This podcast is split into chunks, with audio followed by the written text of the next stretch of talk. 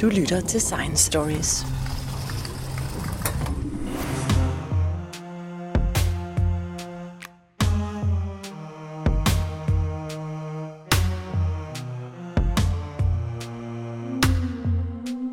Velkommen til Science Stories nytårsprogram 2021. Jeg hedder Jens Teget og vil i dette nytårsprogram spille klip fra årets programmer og fortælle om, hvad man kan forvente sig fra Science Stories i det næste år. Jeg kan roligt love, at det var en meget taknemmelig opgave. I årets første programserie undersøgte Charlotte Kolby, hvordan hun lige pludselig ikke kunne læse romaner mere. I programserien opsøgte hun lægen Imad Rashid, hjerneforskeren Jesper Mogensen og forskeren Sune Lehmann, der har undersøgt vores kollektiv opmærksomhed.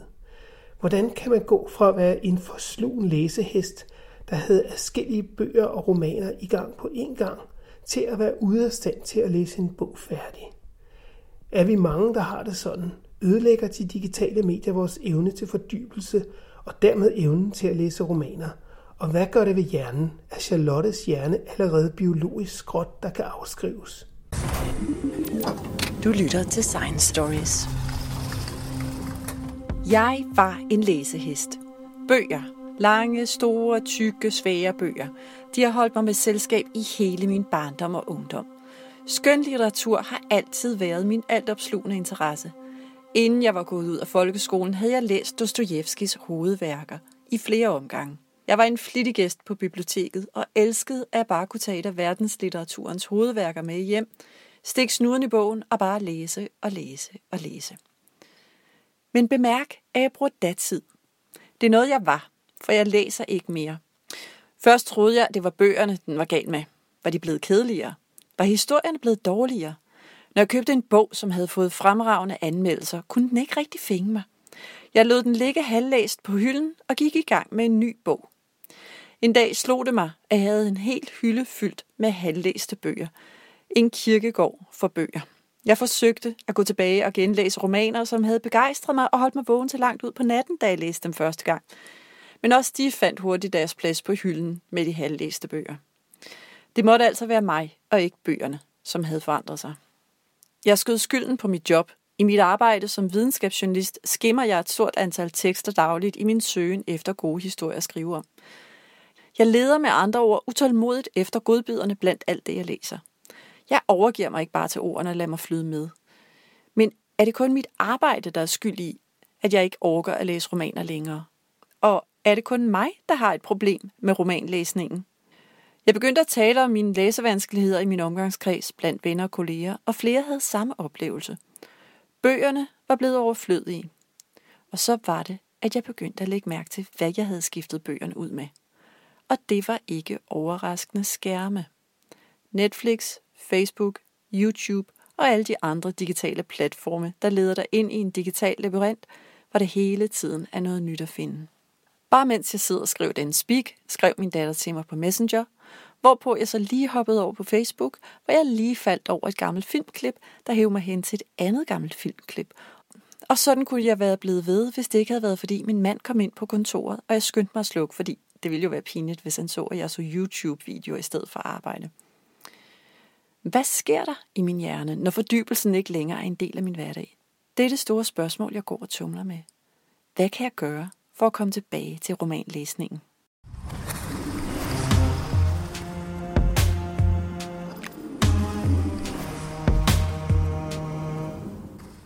Når der er noget galt med en, så går man for det meste til lægen, og det har jeg også gjort. Jeg opsøgte ham her. Jeg hedder Imran Rashid, jeg er special i almindelig medicin og desuden forfatter til flere bøger om, hvad teknologi og mennesker, den vekselvirkning, der finder sted mellem dem. Nu går jeg faktisk dig som læge, fordi jeg har et problem. Jeg kunne tidligere sluge romaner. Jeg kunne læse sindssygt mange romaner. Jeg havde læst det meste, jeg havde læst Dostoyevskis hovedværker, inden jeg var 16 år gammel. Nu kan jeg for min død ikke læse en roman længere, og jeg er i gang med at prøve at finde ud af, hvad der er galt med mig. Øh, og jeg kalder det her program min, øh, min digitale hjerneskade, fordi jeg kan i hvert fald se, at det skete, da jeg for alvor begyndte at have min telefon i hånden de meste af mine vågne timer. Har du en forklaring på, hvad der sker med mig? Altså en hjerneskade øh, dækker jo over noget, som øh, kan man sige er skadeligt måske, eller problematisk. Og det vil jeg ikke helt mene af øh, tilfældet her. Det, som du i virkeligheden jo bare har gjort, det er, at du har omprogrammeret nogle af dine øh, hjernes vaner. Altså det vil sige, at du har skabt nogle vaner hos dig selv, eller der er blevet skabt, skabt nogle vaner, eller opstået nogle vaner, øh, som er et resultat af den vekselvirkning, du har befundet dig i øh, i de sidste øh, mange år. For det er jo sådan, at øh, det, man gør meget med, gør også meget med dig. Og du har måske mere omkodet din hjerne til at være en, der øh, er bedre til øh, iPhones øh, og øh, smartphones og de hurtige, frekvente øh, informationsindsamlinger, øh, der finder sted, hvor det er dig, der bestemmer, end Dostojevskis lidt mere museumsagtige. Altså, jeg populært sagt, har, har du vendt dig til at være i Tivoli i stedet for på et museum?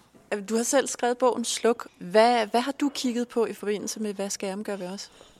Jamen, jeg har jo prøvet i første omgang med bogen Sluk, da jeg kom med den i 2017, og sådan ligesom stille spørgsmålet ud fra et lægefagligt synspunkt, og sige, hvordan kan det være, at vi ikke øh, har stoppet op i den her digitalisering, vi på det tidspunkt befandt os i igennem 10 år, øh, hvor smartphone var kommet i 2007, og så bare væltet ind over samfundet, uden at nogen har sådan overvejet, om der kunne være nogle øh, skadelige konsekvenser af det.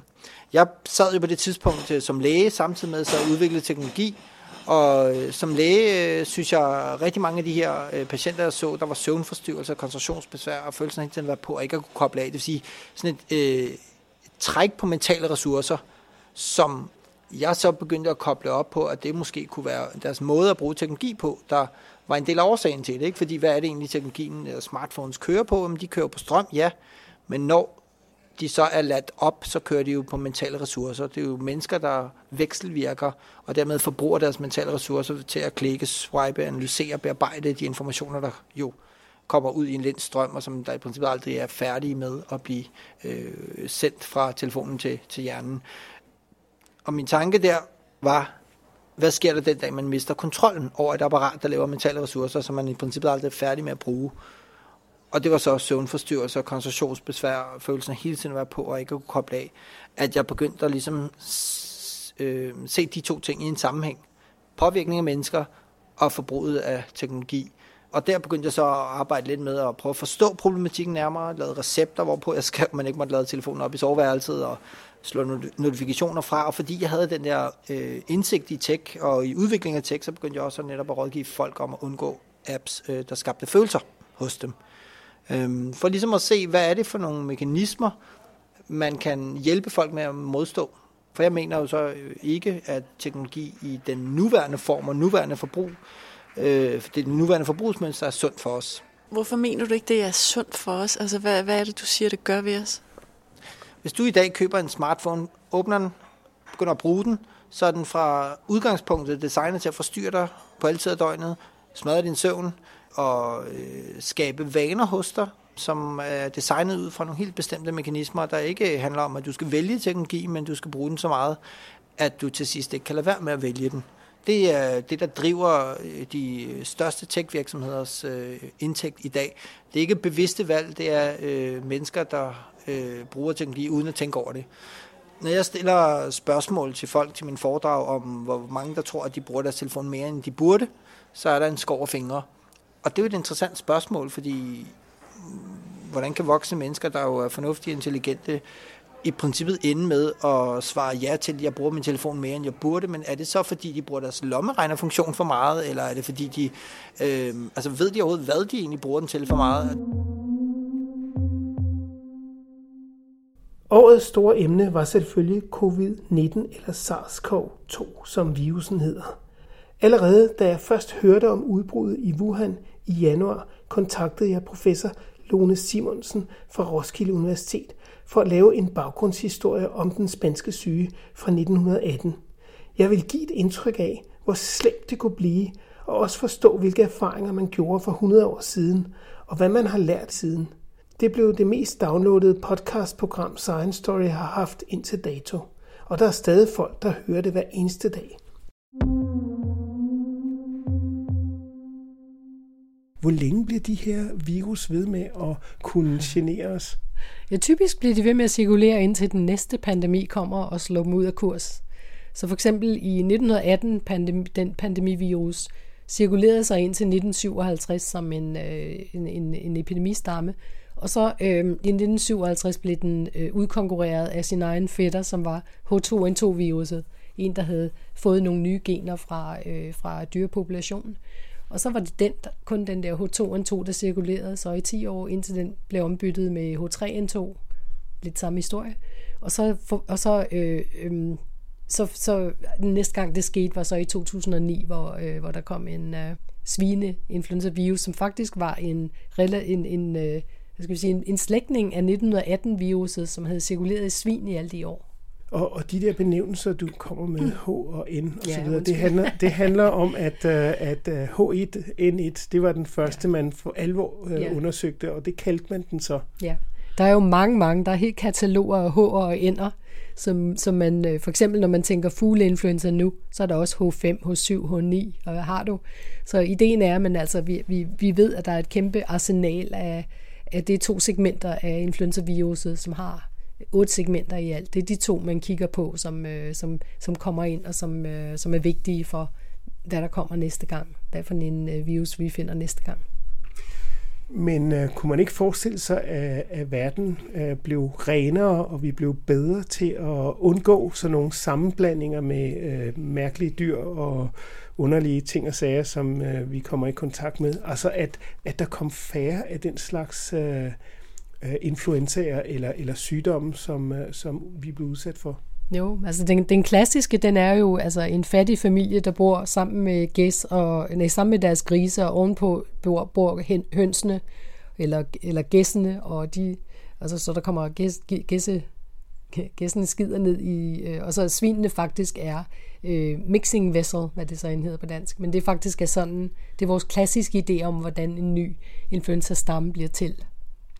Men øh, ja, det sker ikke så meget i Danmark i øjeblikket. Vi har en, en stor afstand til svineproduktion og til andeproduktion, men sådan er det jo ikke i hele verden. Altså vi har urbaniseringsfænomener, vi har meget fattige populationer, som lever tæt på deres dyr stadigvæk, så altså det er jo ikke, man skal hele tiden tænke på, at de her virer er globale fænomener, de er ligeglade med landegrænser. Hvis de starter et eller andet sted, og de øh, får fodfæste i, i den menneskelige population, så kan de spredes over det hele. Og det kunne man vel også forestille sig, at problemet nu om dagen er, at øh, vi har så hurtige transportmidler, så man kan slet ikke stoppe det. Ja, det er, når de først har etableret sig. Hvad er så chancen for, at de spredes? Og det er selvfølgelig klart, så når vi, som, som vi bliver flere mennesker, og som vi rejser mere, så er der en endnu større risiko for, at, at den her virus spreder sig hurtigere verden over. Vi, vi ser det jo med, altså vi så det i 2009 med, det tog kun en, en måneds tid, så var der rejsende fra Mexico og, og USA, som havde øh, spredt viruset til, til alle verdensdele.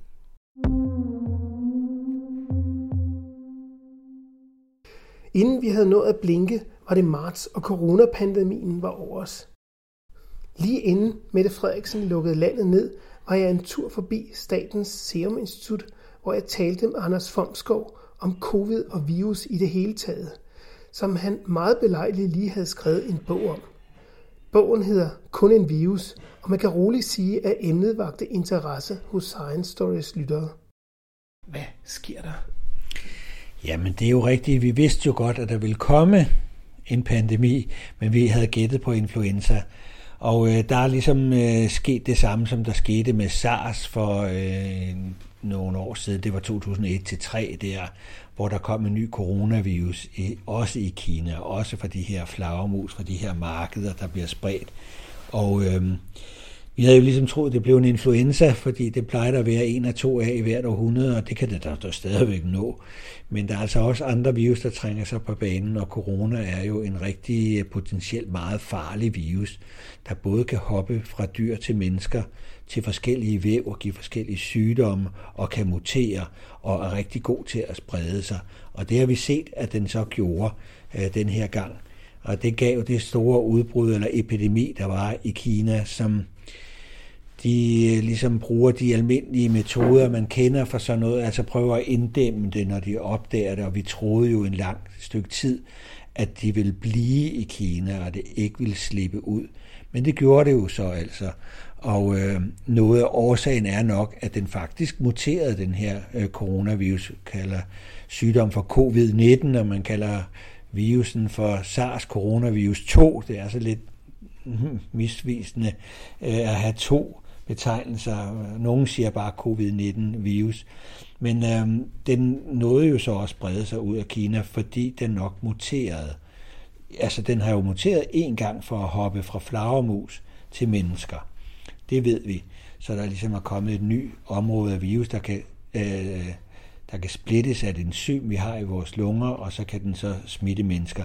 Men så er den ligesom erhvervet sig en ny mutation i Kina under udbruddet, hvor der er opstået en form af den, vi kalder for L-form, hvor den oprindelige kalder vi for S-form. Det er to aminosyre, der ligesom er skiftet ud. Hvor at den her L-form, den er ligesom bedre til at, at smitte og bedre til at sprede sig. Så i hvert fald 75 procent af de cirkulerende virus er på den form, og kun 25 på den mere oprindelige, øh, tæt på flagermusagtige form. Og øh, nu har vi også sekventeret virus i Danmark, og vi kan se, det er den her hurtigt spredende elform, som man også har i Italien og, og øh, Tyrol og de steder, hvor de fleste danskere har bragt smitten hjem fra for deres øh, forskellige ophold, øh, ferier og, og skisport osv. Så, videre. så øh, men, men virus har måske en tendens til at være sig sådan den her sprede evne øh, efter en mutation på bekostning af måske at være mindre farlig. Øh, det har vi ikke undersøgt så meget om endnu, men sådan har det været ved nogle af de influenza-pandemier, vi har set. Og, og øh, det er jo ikke noget, at virus bestemmer sig til at gøre. Det er smart for mig at sprede mange, for jeg skal lave mange af mig selv. Det er heller ikke smart at give sygdom og død, fordi så dør jeg selv. Det er jo sådan noget darwinistisk udvælgelse, simpelthen, at den, der ligesom spreder sig bedst, det er den, man også ser og dem, der ligesom øh, overlever, det er også dem, der kan sprede. Så det er jo egentlig en god forklaring på det. Det er ikke sådan, at virus har en, en vilje, selvom det er en måde, man sådan kan beskrive det på for at huske det.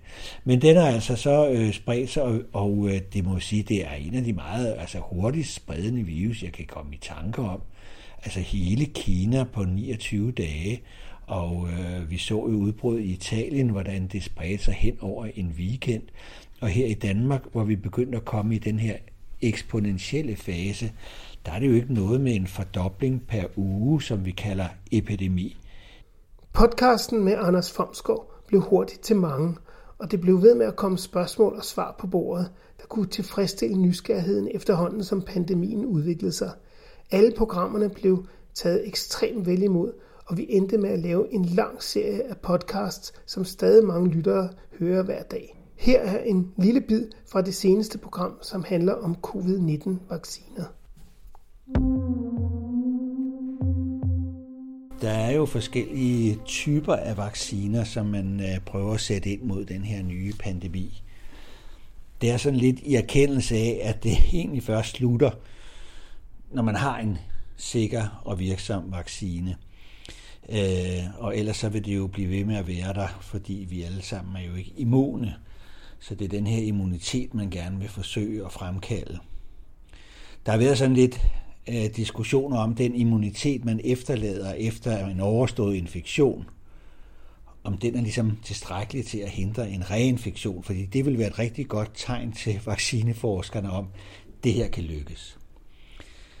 For eksempel HIV, der er ikke nogen naturlig immunitet, vi kan efterligne. Men øh, det er der ved, ved mange af de her luftvejsinfektioner, så det er et godt tegn. Det kan være, at den øh, immunitet, man efterlader, ikke er kraftig nok. Øh, jo mildere sygdom, jo mindre immunitet, kan man sige, eller ikke holder længe nok, eller kan være begrænset af, at det på en slimhinde overflade, som lungerne jo er, der er en lidt dårligere immunitet, i hvert fald i hukommelsesimmunitet, end der er med andre sygdomme, som ligesom er i kroppen, altså mislinger, forårsyge, røde hunde, sådan. Så, øh, så, så man forestiller sig nogle af de sprit nye vacciner, som man har taget i anvendelse her, som jo aldrig har været godkendt før, at det, de ligesom kan måske, det er, at de kan gøre det bedre end naturen. De kan simpelthen fremkalde en bedre immunitet end den, som sygdommen efterlader. Og hvis vi kan gøre det bedre end naturen, så er der jo et håb om, at selvom den immunitet, man får efter en sygdom, måske ikke er 100%, så kunne den måske gå hen og blive ret kraftig ved en, en af de nye typer af vacciner. Men det er jo klart, hvis, hvis sygdommen efterlader immunitet, så er det nemmere at forsøge at efterligne den. Øh, men det er mere for at forklare, hvorfor at man faktisk tager nogle helt sprit nye vaccineprincipper op af lommen øh, i den her øh, pandemisituation.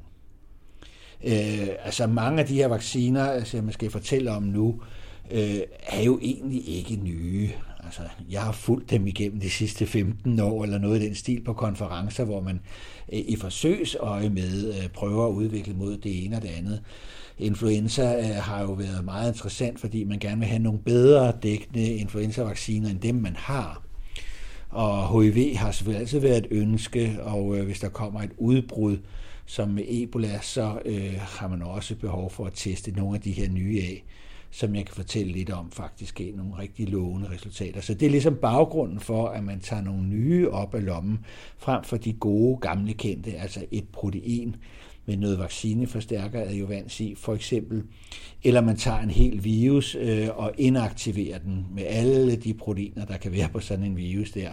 Nogle af dem vil man gerne have en vaccine, nogle af dem vil man ikke så gerne have. Øh, og så øh, kan man vaccinere med dem. Det er der også eksempler på, at vi har den her type vacciner godkendt fra tidligere tider. Og hvorfor lave det om, når de er godkendt? Men det er lidt baggrunden for, hvorfor at man øh, har de her forskellige principper. Man kan finde hele serien om virus på Science Stories hjemmeside på www.sciencestories.dk og find det seneste virusprogram og klik på virus nederst på siden – på SoundCloud hedder playlisten Hvad du har brug for at vide om virus.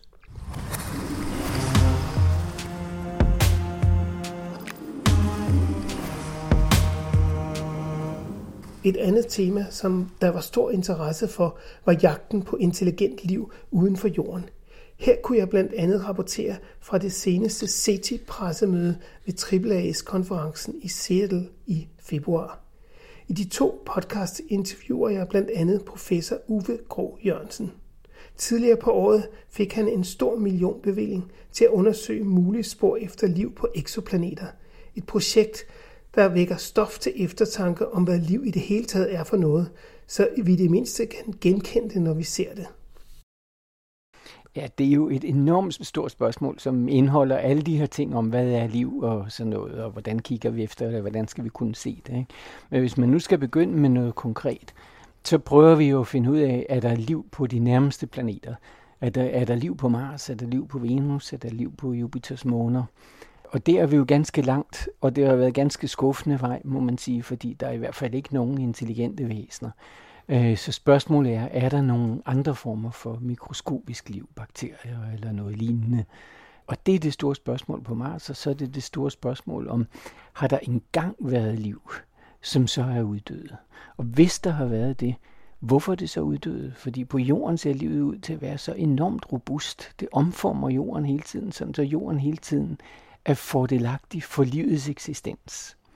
Og, og hvis det har været sådan på jorden, og til syden er sådan på jorden, hvorfor er det så døde ud på Mars, hvis det er det, der er tilfældet. Mm. Og derfor er det enormt spændende på Mars, både at se efter, kan man finde mikroskopisk liv i dag, som måske lever i, i, i øh, is eller flydende vand nede under overfladen, eller lige så spændende, har der engang været liv, og hvor, hvor langt udviklede det sig, mm. før det døde? Hvorfor, hvorfor døde det ud, hvis det døde ud? Så det er det, før, det er det første sted. Så det andet sted, som i, i, i for få årtier siden synes endnu mere realistisk, det var Venus. Øh, og i dag ved vi så, at Venus er meget forskellig fra Jorden, i modsætning til, hvad man troede. De første rumsonder, der kom ned, de mistede man kontakt med dem alle sammen, og det viste sig, at nede ved overfladen var der ikke ligesom på Jorden, som man havde troet, fordi Venus er er jo lidt tættere på solen, men på den anden side en skydække, så man forestillede sig, at det ville så kompensere for det lidt mere lys, at det reflekterede sig også mere. Men da man kom ned til overfladen, viste det sig, at der var 90 atmosfæres tryk, der var 500 grader varmt, og øh, det regnede på vejen ned øh, konstant, men ikke med, med vand, ligesom her, men med 80% koncentreret svovlsyre. Så det var ikke noget sted for levende organismer, som, som vi kender her på jorden. Men alligevel kunne man stadigvæk forestille sig, at oppe i atmosfæren svæver der nogle organismer rundt, som man måske kunne finde. Og så det næste sted, som er, er, er, er i vores nabolag, om man så må sige, det er jo ude ved Jupiter og Jupiters måner og Saturn og Saturns måner. Øh, fordi nede under overfladen, der er der flydende vand.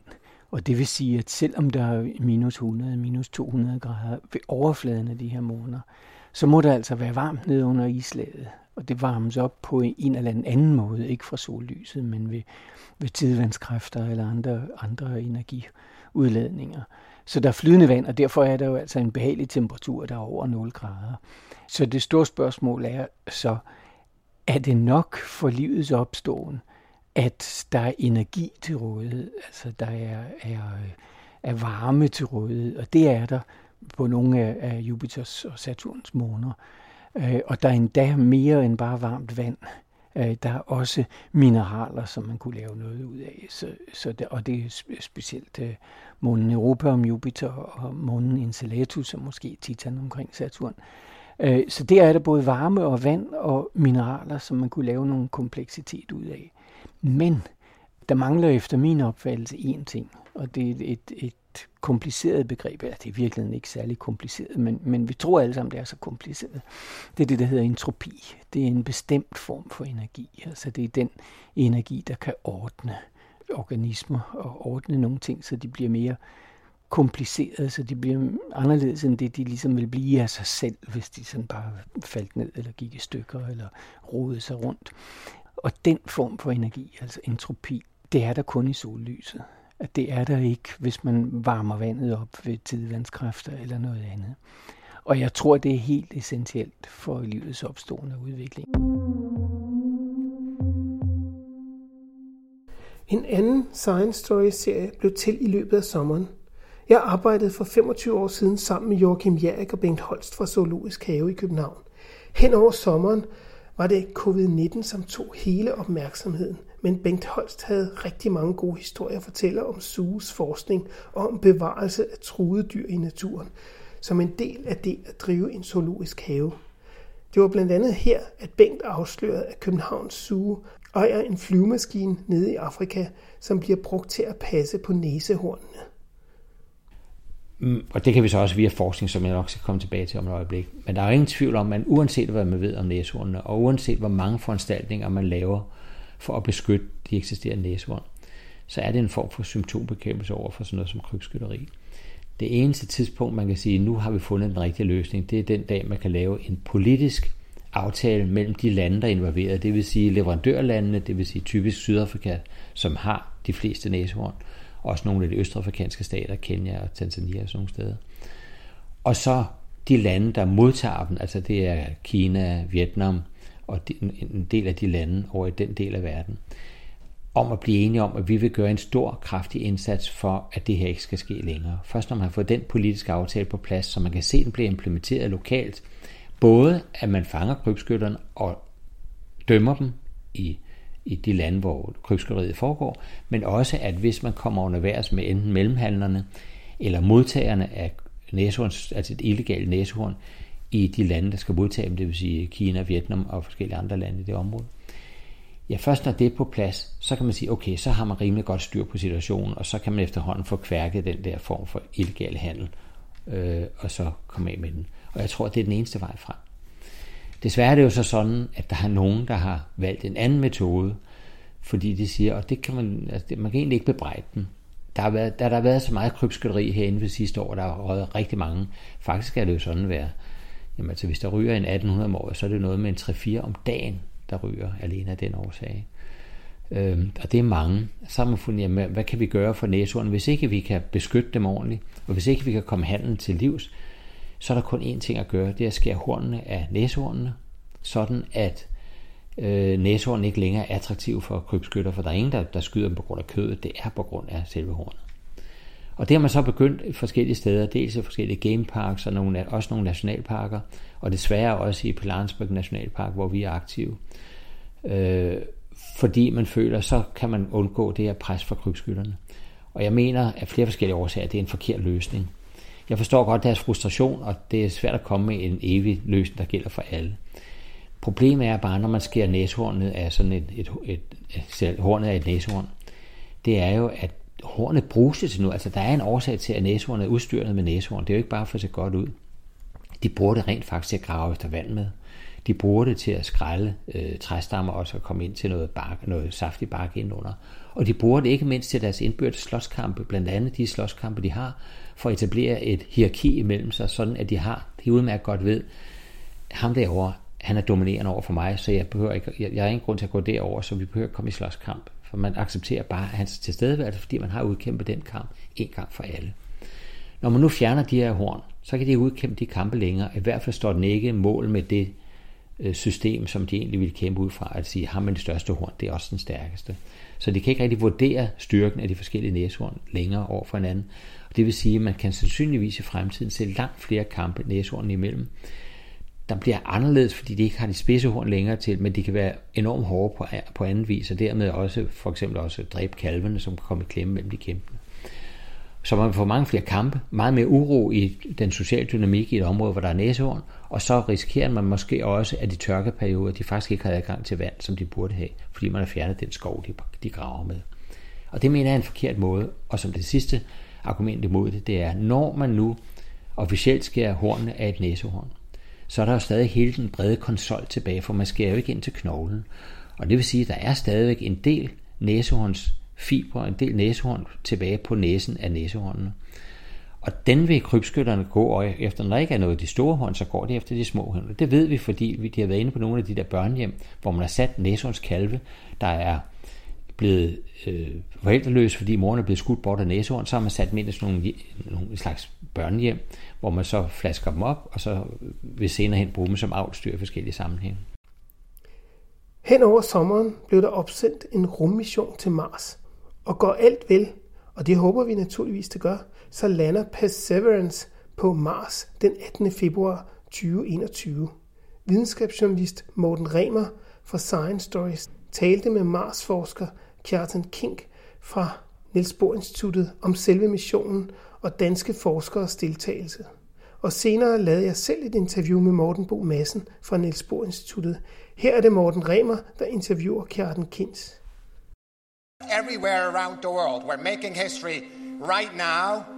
We're making history right here. Today we are naming a spacecraft that will go to Mars and make measurements we've never made before. It will be the first leg of the first round trip of humanity to Mars, bringing back these samples that tell us secrets about life itself. And the name of this mission is.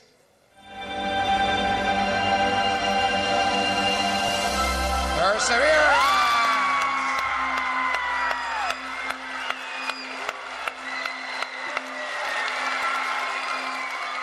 Jublen ville ingen ende tage, da NASA den 5. marts i år offentliggjorde navnet på den næste Mars rover, Perseverance, der kan oversættes til vedholdenhed eller udholdenhed. Og igen var det op til skoleelever landet over at byde ind med forslag, der denne gang blev vundet af 13-årige Alexander Mathers fra Virginia, USA. Perseverance, der er den femte Mars-mission med en rullende robot, genbruger erfaring og designet fra den succesrige forgænger, den sekshjulede Curiosity, der landede på den røde planet i 2012 og stadig er aktiv og sender data og billeder fra Mars. Med opdateringer og forbedringer af Perseverance håber NASA og alverdens Mars-forskere på at få vigtig viden om den gådefulde planet, der blandt mange andre vigtige opgaver skal forberede en bemandet mission til Mars. Missionen er sat til opsendelse i juli-august i år fra den legendariske Cap Canaveral i Florida, hvor både Apollo og rumfærgerne blev opsendt.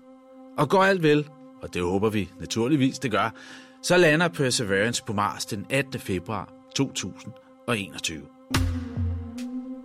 For at høre mere om missionen, havde jeg sat Mars-forsker Kjartan King stævne på hans arbejdsplads på Niels Bohr Instituttet i København. Men på grund af coronavirusen gjorde jeg en undtagelse og lavede interviewet over internettet. Der kan forekomme lidt skratten og støj undervejs, men det håber jeg, at I bærer over med. Mit navn er Morten Remer, og velkommen til Science Stories. Kjartan King, du er om nogen det, jeg vil kalde for øh, Marsmanden herhjemme. Du har jo været involveret i forskning af Mars i rigtig, rigtig mange år, og det er du også i det her projekt øh, Mars 2020, hvor man nu sender den femte selvkørende robot op på Mars, øh, som har fået det her fine navn, som er næsten umuligt at udtale, Perseverance, som jeg har forstår, man kan oversætte til udholdenhed, eller vedholdenhed er nok mere rigtigt. Kan du fortælle lidt, hvorfor man nu for femte gang sender en kørende robot op til Mars? Fordi vi har jo da i den grad undersøgt en masse ting. Hvad er det, hvad er det mere, som den her nye robot skal, skal kigge efter? Ja, Mars er jo en helt stor planet, så der vi har været ja, fem steder med, med køretøjer og, og et par yderligere steder med stationære lander, men, men der er masser af steder på planeten, vi ikke har været. Og, og i begyndelsen var vi måske ikke så gode til at vælge de, øh, de mest interessante steder, de steder, der kunne fortælle om mest om, om det, vi nu ved er rigtig spændende ved Mars. Øh, fordi vi ikke havde så gode satellitdata fra Mars. Nu har vi jo mange satellitter i kredsløb om Mars, og så begynder at, at lære. Øh, så, så jeg vil sige, at, at øh, man kan jo blive ved med at, at, at studere og, og finde nye, rigtig spændende steder på Mars. Øhm, hvad, hvad er et spændende sted på ja, Mars? altså det er jo i hvert fald... Udover hele planeten, men... En, en, af, en af de store gåder, vi har, er jo, er jo, handler jo om, at, at vi kan se Mars er en tør, kold ørken i dag, men vi kan se på geologien, at Mars har haft en fortid for 3, 3,5, 4 milliarder år siden, øh, hvor der i hvert fald øh, i nogle længere perioder var øh, en tykkere atmosfære, højere temperatur, regn, sne, smeltevand, floder, søer, have måske endda. Og, og betingelser som... Hvor, hvor, lang tid, hvor langt tilbage er det? Jamen, det er jo en af de ting, vi ikke rigtig ved. Men, men 3,5 milliarder år måske. Øh, det er sådan tilbage omkring de allerældste øh, geologisk evidens, vi har fra jorden. På jorden er, jorden er jo så meget mere geologisk aktiv, at, at alting bliver omdannet. Så der er meget store dele af Mars' overflade, der er ældre end, end jordens overflade, som, som generelt er. Øh, så det er sådan tilbage omkring det tidspunkt, hvor det allerældste øh, viden, vi har fra jorden, og hvor vi formoder også omkring det tidspunkt, hvor livet opstod på jorden. Øh, og der har betingelserne øh, altså været sådan på Mars, at, øh, at de mindede om det, og i hvert fald der har været steder på Mars, hvor, hvor øh, altså jeg mener forholdsvis ukontroversielle mikroorganismer, som vi kender her fra jorden, kunne have levet og trivedes.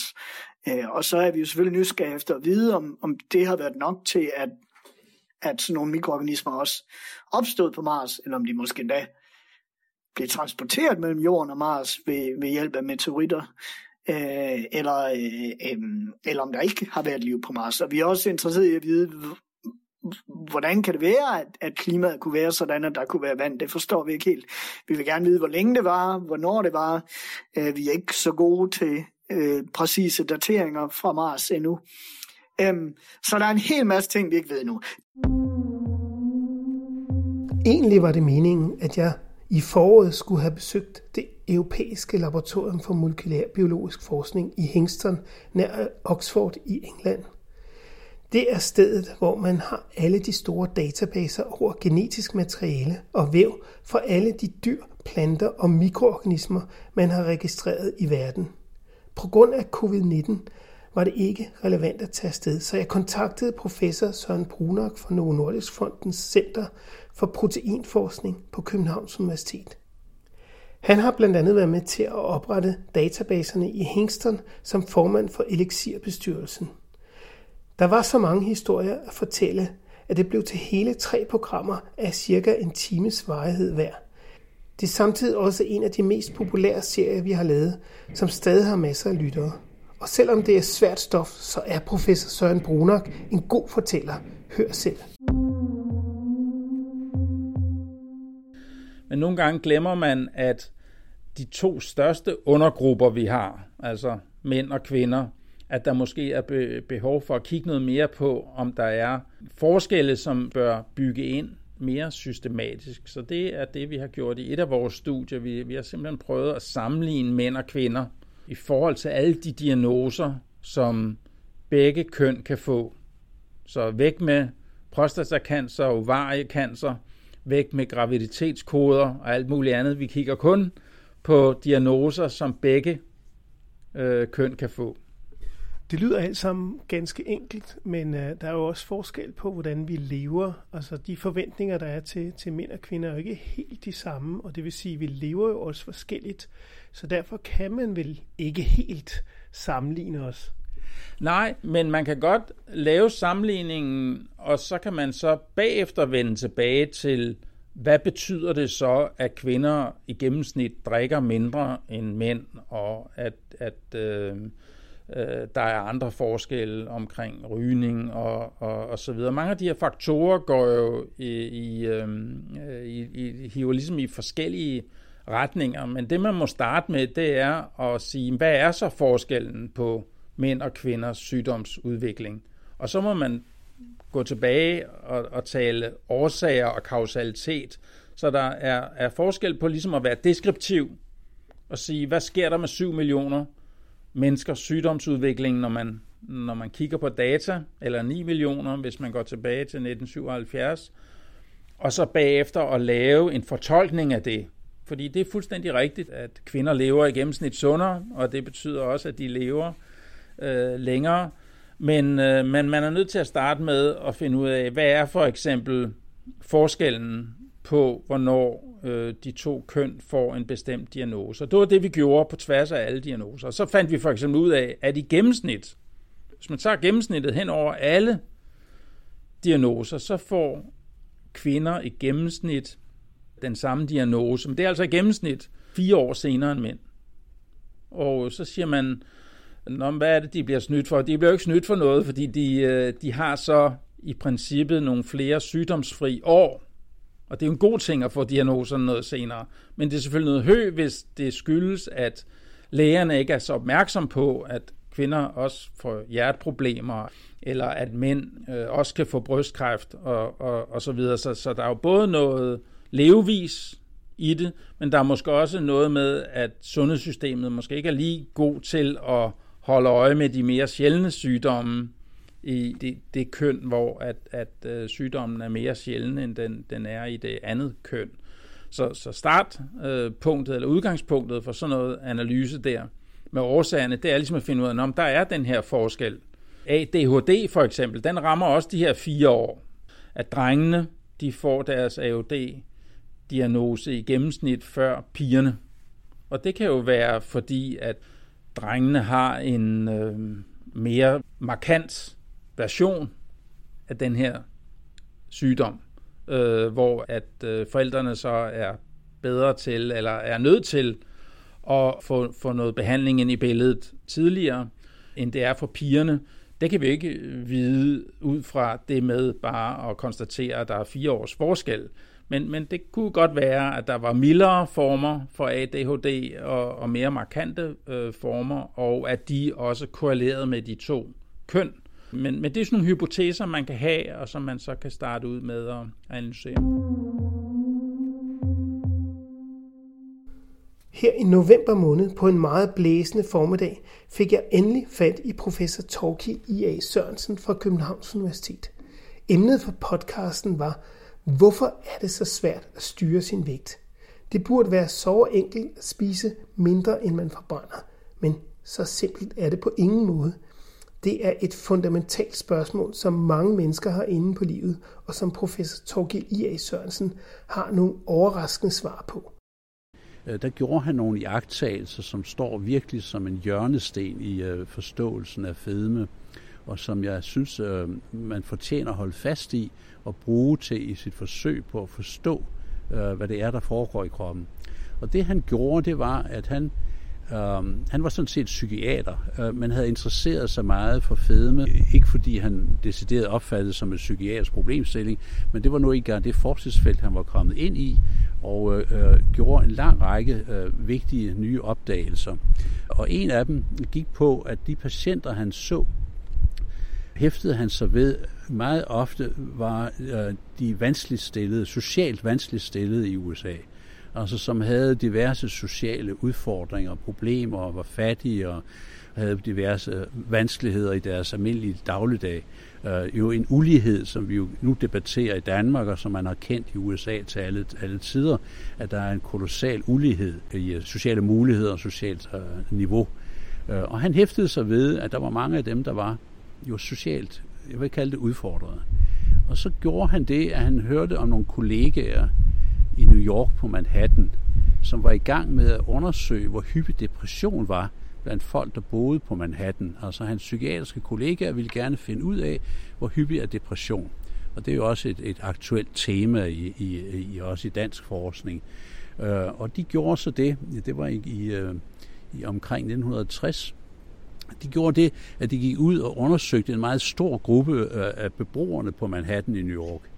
Og så spurgte uh, Albert Stonkart, om han måtte få lov til at bruge deres data uh, til at se, hvor meget fedme der var, og om fedmen uh, hang sammen med uh, deres uh, sociale niveau, sociale baggrund.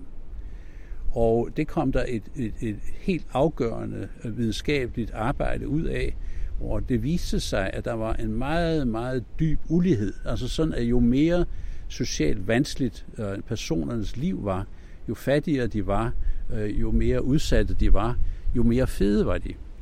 Øh, og øh, det galt både forældre, og det galt også børn, og han fik også lejlighed til at se på, om det havde indflydelse på deres øh, muligheder for, om så må sige, at slippe ud af den sociale arv. Øh, og der var også en klar sammenhæng, at, øh, at øh, øh, den sociale mobilitet, kan man kalde det, at den var øh, svækket øh, hvis man var overvægtig eller fed. Øh, så der, på den måde øh, gjorde han sådan set nogle jagttagelser, som, som jeg synes fortjener at blive fastholdt. Og der kan jeg så sige, at det er der rigtig, rigtig mange, der har undersøgt siden. Jeg har også selv gjort det, også i samarbejde med ham i forsøg på at komme dybere ind bag disse ting. Selv i dagens Danmark er der ikke længere tvivl. Der er netop ved at komme en rapport ud øh, fra Statens Institut for Folkesundhed, som bekræfter, at så enkelte spørgsmål som om, øh, hvor, hvor uddannet er folk, har enorm indflydelse på, hvor, hvor stor hyppigheden er af overvægt. Både blandt voksne og, og, og også i stor udstrækning blandt børn og unge, hvor det så er forældrenes uddannelse, der viser sig at være dramatisk betydningsfuld for, hvor mange af dem er overvægtige. Og der, der bliver vi nødt til, synes jeg, at indtænke det i vores forståelse af, hvad det er, der foregår i kroppen. Og øh, det leder mig så til at få den tanke, at hvis de sociale forhold, man lever under, hvis de spiller en rolle, så skal de jo ind i psyken. Altså fordi fedme er jo inde i kroppen, så vi bliver nødt til at finde ud af, hvordan, hvordan påvirker de sociale livsomstændigheder det, der foregår i psyken. Og da det jo skal ende nede i fedtvævet, øh, ja, så skal der også, så skal det, de psykiske processer også udspille sig i hjernen. Og fra hjernen skal der være en øh, sendes beskeder til fedtvævet, til disse to typer omsætninger, vi talte om, med øh, fedtcelleomsætningen og, og fedtomsætning i cellerne. Og der er en række, øh, det vi i forskningen kunne finde på at kalde black boxes. Altså, hvordan påvirker de sociale forhold psyken? Og så skal vi til Tue Hassenkamp, som forsøger at forstå, hvad liv er, ved at genskabe liv ud fra byggestene af mineraler og ikke-levende materialer. Et spændende skridt på vejen til at forstå liv bedre og måske genskabe de første livsformer ud fra primitive organiske molekyler. Tue Hassenkamp fra Københavns Universitet fortæller. så har du faktisk darwinistisk evolution. Det er tre elementer, så du har en population, som er i stand til at, at reproducere sig selv, og så har du en mutation, og så en selektion. Det er de tre elementer, der skal være. Hvis vi så starter med, at vi siger, at vi på et tidspunkt, vi har ligesom tre punkter på vores kurve. Man kan ligesom forestille sig, at vi har en kompleksitetskurve. Så ud af y-aksen, så har vi kompleksitet, øh, og, og, og ud af x-aksen, så har vi størrelsen. så kan man faktisk se, at man trækker en lige linje fra, vi har Luca i den øverste højre del af vores, vores kurve, hvor vi siger, at det er det mest komplekse, den største organisme. Så et eller andet sted imellem der, der har vi et punkt, der hedder RNA-verden, hvor vi har lidt mindre organismer og lidt mindre øh, øh, kompleksitet. Og man kan måske ligefrem sige, at, at RNA behøver ikke nødvendigvis at være organismer. Det kan jo bare være RNA-molekyler, der ligger ja. frit.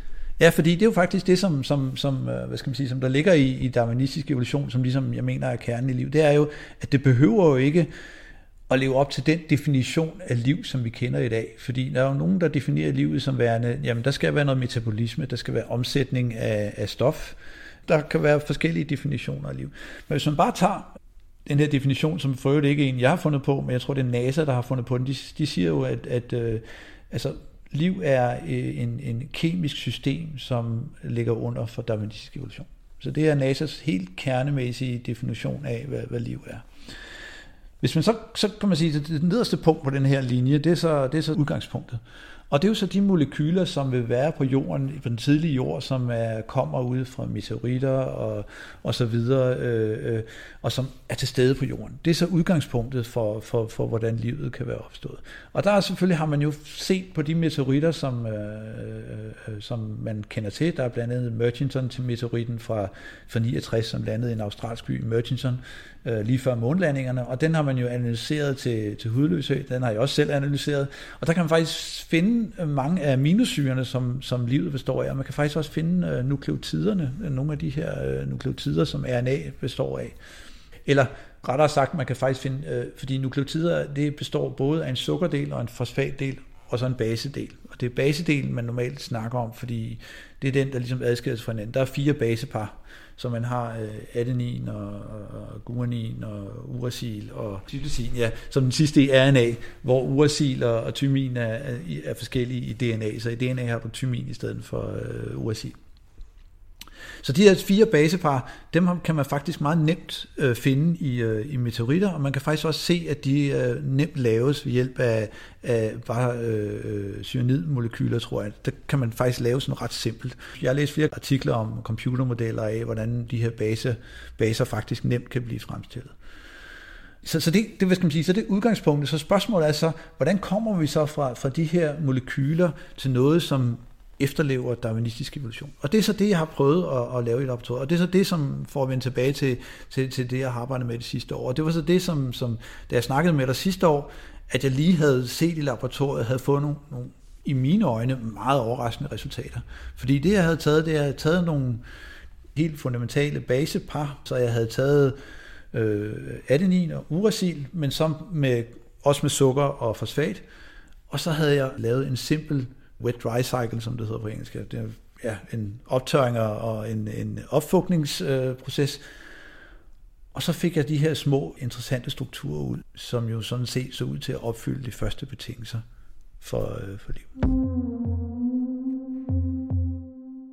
Endelig skal vi ikke glemme, at Science Stories producerede fem programmer på engelsk i det forgangne år. To af dem med Nobelpristagere. Det er noget, vi godt kunne finde på at gøre en anden gang da der er masser af engelsksproget, der er meget interesseret i danske forskningsresultater.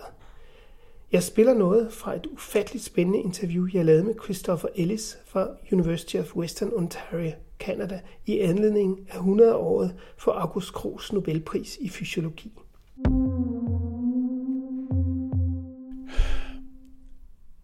There's so many different things running through my head. August Crow could only work from what knowledge he had at the time and the measurements that are made for how much oxygen was available. So he knew how to measure oxygen in a blood sample from an artery, but he couldn't measure the oxygen level at the level of the capillary or in the tissue itself. We now know that a lot of the oxygen that comes from the in the artery by the time it gets down to the capillary, at least a third of that oxygen is already left the blood, and the level of oxygen entering the capillaries is much less. So that creates a um, a bit of a of a challenge. We we now have less oxygen that's coming into the capillaries. The crow's model assumes that the oxygen levels in the tissue are down really quite low. They he it's optimized to go down to almost zero oxygen in the tissue, but we know from measurements that those oxygen levels are actually much higher. So we have uh, a situation where the oxygen level entering the capillaries is lower, the tissue oxygen level is higher. It's almost a paradox compared to what August was thinking about. So, how does the physiology overcome this particular challenge? And it's instead of having only an optimal number of capillaries perfused with red cells at any one time, they're all being perfused, but with red cells, but not to the same level. And they work together. They cooperate to make sure that as a group of capillaries, they supply the volume of tissue ar- around them with the oxygen. And then when you exercise and you increase the red cell flow into the muscle, all those red cells get distributed more uniformly, making the situation very much like Crow envisioned in terms of them all being equal sources of oxygen. So we go from very heterogeneous, some are richly perfused, some are poorly perfused. But when we need more oxygen when we exercise and more red cells come flowing in, we distribute them uniformly among the capillaries and we we create the Crow model. We create what Crow envisioned in his head to make sure all that tissue gets oxygenated when there's a high demand.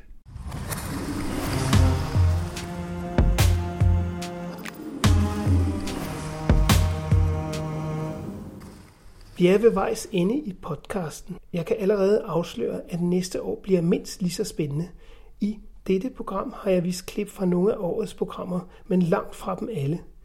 Vi har allerede to programmer på beding til næste år om vacciner og hvordan de egentlig virker.